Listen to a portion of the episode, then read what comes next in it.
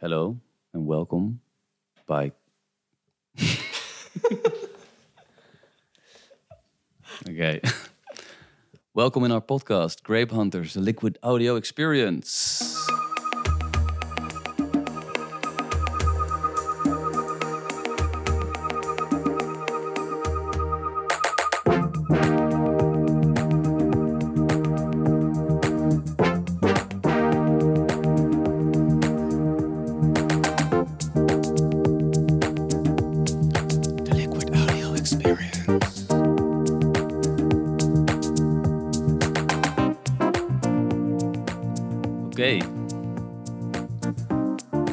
Are you, Dido? Well, all right. Yeah, I feel a bit sick. I don't Yeah? know. Yeah, Maybe don't feel due well. to the, the weather outside. It's going to rain again. It's this dirty weather with like rain and sun and rain and sun. It's like, Like humid and We left Holland for a reason. yeah. I thought so. Jesus. anyway, we are here in our little house and um, doing a little podcast, like a short short cast, so to say. And today we talk about disease. Or especially in this case, mildew or downy mildew. Uh, or Plasmopara viticola. that's the, the Latin name. Yes, because it's our third year in our in our vines, uh, and we heard people talking about mildew, and uh, especially Dylan, of course, our our advisor, Advi- friend. friend and advisor, friend. uh, who mentioned um, that we should be very careful Da- uh, yeah. with mildew, He said, downy mildew. Now, first thing he said, don't fuck with mildew. yeah, And then we were like, um, Well- quite laid back about it because it was, Well, the last two years were quite. The first two years of our our uh, experience here were super dry. It only rained 400 mils a year, and this year we are already in uh, 800 millimeters. yeah. So more than twice as much. Um, and which causes a lot of problems. A lot of problems, Yeah. and we never saw mildew like we've seen before. And I can, I think, I, I speak for whole Catalonia uh, is suffering from from mildew, and people, some people even lost 100% of their crop, and we have lost 30% of our crop. Well, I think we we have multiple varieties, but I think especially in the um, uh, Grenache, Garnacha, we lost about thirty percent, and then in the and in the Sauv we also lost uh, percentage, but uh, So those are two varieties that are very susceptible. very susceptible. Um, and even though we are on top of it, protecting the, the crop, we still suffer from it. And but in in general, people are like Yeah, we noticed that there's a general misconception in the consumer world. Uh, so many people who know a lot about wine and wine tasting uh, seem to have, well, no clue of how um, to treat vineyard diseases. Of course, they shouldn't know because they don't have vineyards. So it's it's also, you know, how could you know only if you experience it directly? So I heard people say like, "Oh, why should you use sulfur in a vineyard?" And uh, Do you spray in you the spray? vineyard? But you make natural wine. So we like to a little bit explain a little bit how you can treat or like um, how in organic and biodynamic viticulture spraying with uh, contact contact sprays are allowed with sulfur and copper in lesser uh, doses. Uh, in conventional viticulture, uh, people spray with systemic uh, fungicides. Uh, those are like it's chemical and it, it will uh, go directly into the plant. Yeah, so it penetrates through the tissue Yeah. and goes into the into the plant. and it also vine. damages the vine considerably, and the vine will not last long. Uh, and well, you're, you're just crushing it with with chemicals. Yeah. Actually, And then the uh, what which is allowed in uh, biodynamic and in uh, organic vineyards is spraying with uh, copper and sulfur. Where um, we first, I think we're going to talk about copper because that's uh, what has been really effective now. yeah, against the downy mildew. Uh, yeah, against the downy mildew. So, um, um, just j- just to give you an um, uh, a picture, uh, it's raining and then there's sun, and then it's raining and then there's sun. So it's like a humid, perfect conditions And no for wind. and no wind for fungus to grow. So what you first see is uh, you have spots on the leaf. So you have a green leaf, and then there um, there's like a, A red like, oily spot. yeah, it, it starts translucent. That's already a sign on it's coming. So if you see that, you're already a little bit too late with your spray. Anyway, you see a translucent lucent spot, and then if you turn the leaf, then you see white dots on the on the downside of the spot, and that spot will turn like brownish, and that will consume the leaf Yeah. eventually. So if you uh, spray copper, which is like you dilute copper in water and you spray that on the leaves, that will um, isolate that spot. So it will, it doesn't remove the spot, it will, won't cure it, but it isolates the spot and then it will dry out and it won't affect the leaf further. Oh, exactly. Yeah. Uh, so, um, uh, yeah. Uh, so people are also talking a lot about the Bordeaux uh, um, mixture. So it's Yeah. called called Bord- Bordelaise here. It's actually a mixture of copper and sulfur uh, already pre pre mixed, and we we buy it actually separately and mix it in in our sprayer with water and also some algae or like uh, seaweed. Yeah, that's like a like a, a natural um, Well, structural elements. That we yeah it's, to the it's exactly it's, it's, it's like a building block for a vine to to to go to grow strong and it will also help in that is more susceptible but it's also uh, more homeopathic Yeah. yeah And um, also interesting is to say, like during flowering, so when um, um, are little flowers coming on the on the future grapes, on the future bunch, yeah that is the most uh, critical moment. And we have seen this now. We just uh, we are we just passed flowering, and it's like because when flowering, it has a little opening as uh, as it is because the, the the flower germinates the the the berry.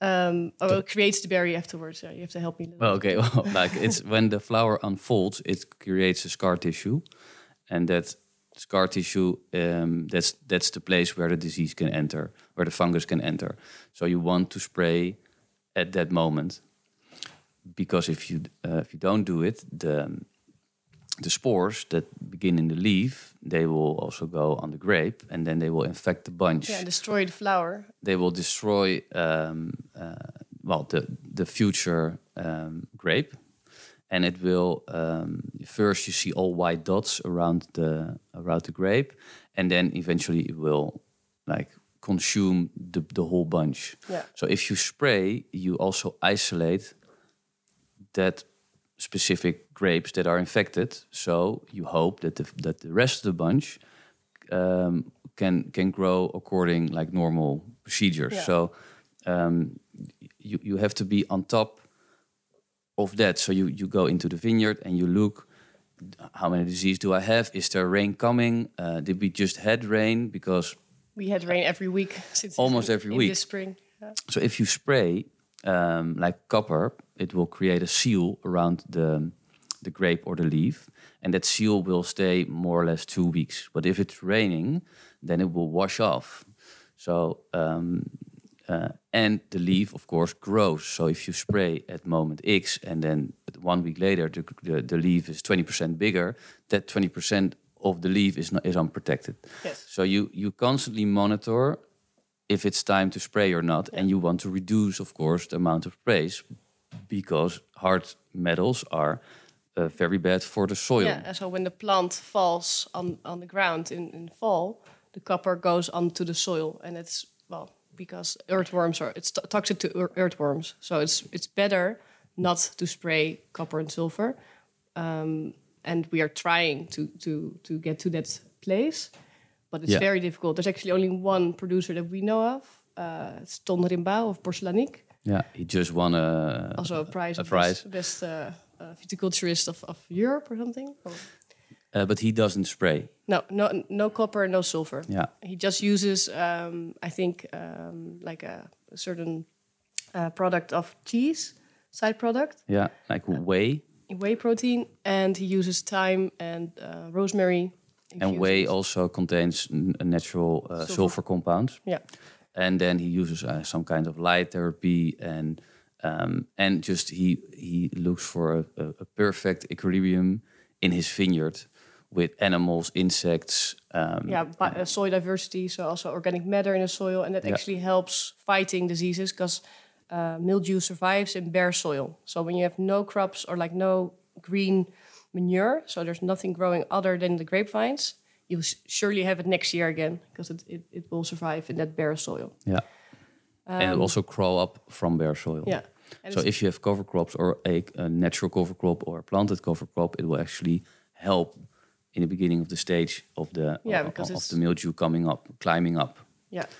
Um, and uh, what's interesting maybe to tell is about my my little experiment. Yeah, so we talked about Tony Rimbau, and then he doesn't use anything, but we have to say um, that we talked to him a couple of years ago, uh, where he told us that he just lost his almost his whole crop because and- of a very difficult year. So he's climbing also the the ladder of of this. Um, uh, yeah, uh, super biodynamic, uh, natural way of winemaking, but it's not that you that everybody just can start with okay now I stop spraying. It Yeah, doesn't so work that way. I You- you did this. Uh, I have a little vineyard. Well, we have a little. Well, we Yeah, so this is our hectares, approach to, to, to, have, to become uh, there. That's yeah, like seven rows of Garnacha, yeah, and I uh, I thought, well, let's do it all by hand. No machines, no uh, no copper, no sulfur, only sprays of, of the whey protein and uh, sage and thyme and rosemary and all the dynamic preparations.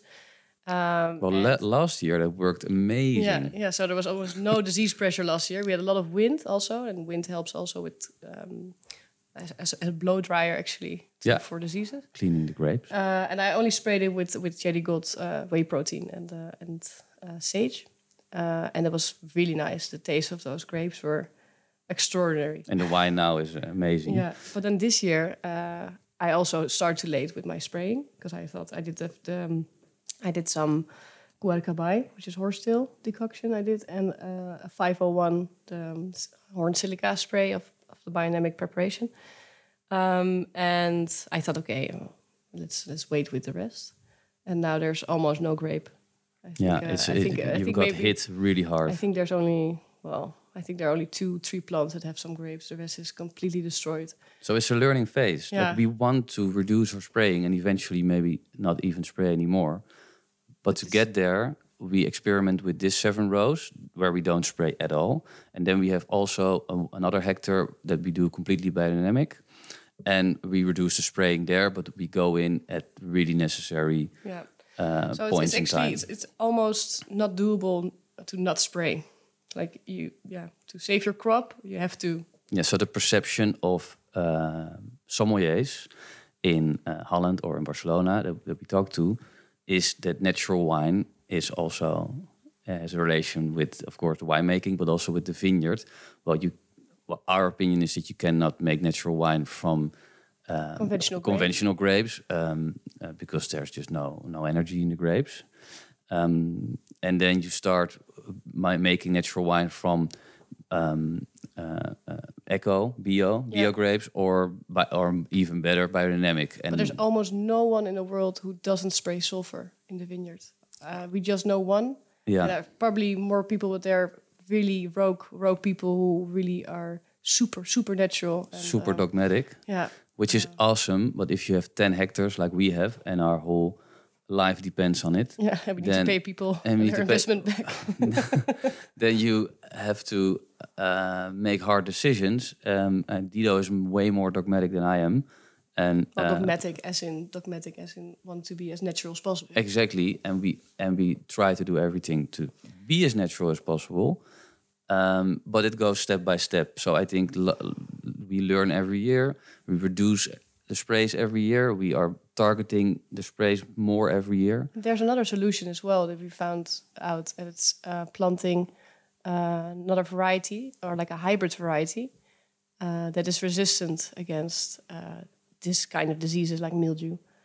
Um, but the hybrid uh, varieties have a bad name in the wine world because it's it's um, well, it's a cloned variety uh, with the base of American rootstock. Right. Yeah. We need to dive in a little bit more, but um, they are being produced without these diseases. So if you plant a whole vineyard with hybrid varieties, you never have to spray copper or sulfur, um, Which is awesome. which is awesome. Yeah. And but there are yeah, there are people who are experimenting with these varieties. And we will sure do another podcast about hybrids soon, Yeah, right? definitely. Um, tuning out, tuning out, tuning out. Hopefully, this was not too technical. And I don't think so. Okay, dear people, thanks for listening. Please, if you have any additions or um, Comments. comments, or um, or we did something wrong and we and we already forgot something, please send an email to info at grapehunters.com or go to our Instagram account or go to our Facebook account, which is uh, Tortuga. So you can find us even uh, you can find us through Viñas Tortuga or through Grape Hunters. Very confusing. Yeah, well- Very confusing. Let's do okay. Send your email info at viñastortuga.com or go to the website viñastortuga.com uh, or see us on Instagram. Uh, see you next time. Thanks Yeah. for listening. Thanks, for to my second half, Nido Vormer. You're very welcome. Ciao. 아